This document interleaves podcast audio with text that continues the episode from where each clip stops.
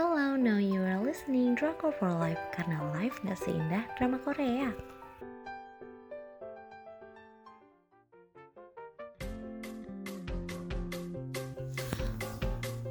Aku bakal bacain review drama Korea The Secret Life of My Secretary.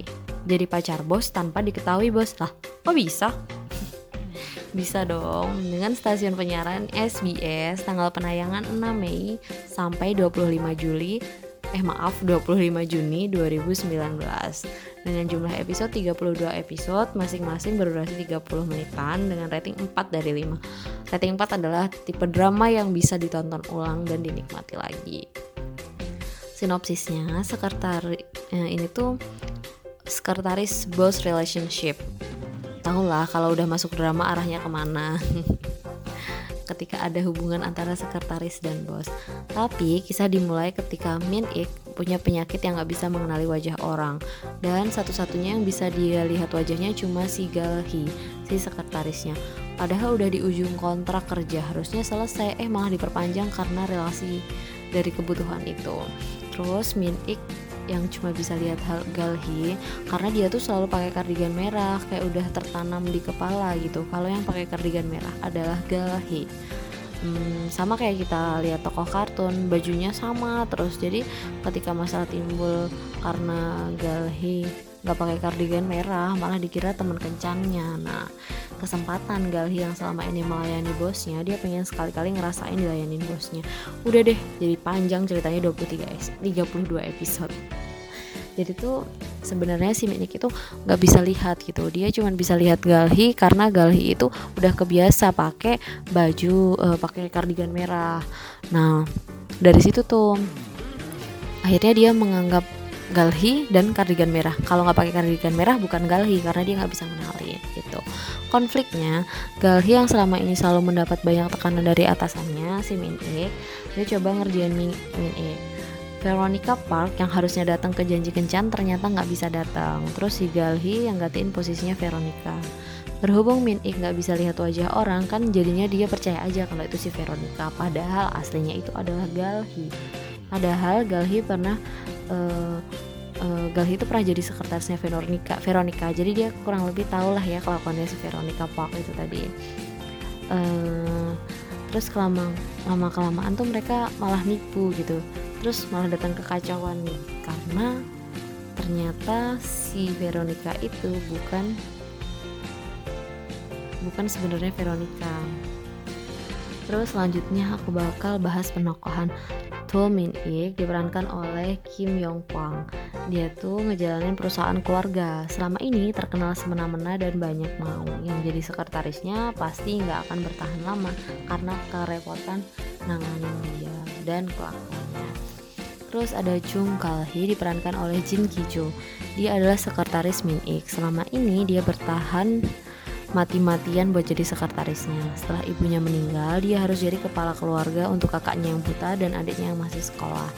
Ya mau nggak mau sih dia ini rajin sampai rajin banget lah pokoknya sampai punya tas gede buat bawa macem-macem kebutuhan bosnya yang suka mendadak dan random banget. Hmm, terus sampai dia tuh lupa sama kebutuhannya sendiri. Emang sedih sih di sini makanya pas ada kesempatan dia mau ngerjain bosnya. Selanjutnya adalah Ki Daejo diperankan oleh Ko Jasong. Dia ini sahabat kecil Min Ik dari kecil. Jadi dia juga ikut bantuin di perusahaan tempat Min Ik kerja. By the way, ntar bakal ada suatu konflik yang menggiring asumsi kita kalau Daejo berkhianat ke Min Ik. Kemudian adalah Veronica Park, yo. Ini adalah karakter yang paling ikonik menurut aku dan masih teringat sampai sekarang. Diperankan oleh Kim Jae Kyung uh, kesukaan dan kesayangan aku lah pokoknya si Veronica ini. Ntar kalau yang kalian udah nonton kalian pasti langsung nempel gitu sama kelakuannya si Veronica karena dia selalu mengenalkan dirinya uh, namanya itu halo I'm a Veronica Park you gitu terus suka bilang awesome. Terus uh, nada dering HP-nya itu adalah Frozen Let It Go. Kan ikonik banget pokoknya dia tuh. Kemudian aku bakal bahas tentang uh, suatu penyakit yang diderita oleh Minik yaitu prosopagnosia.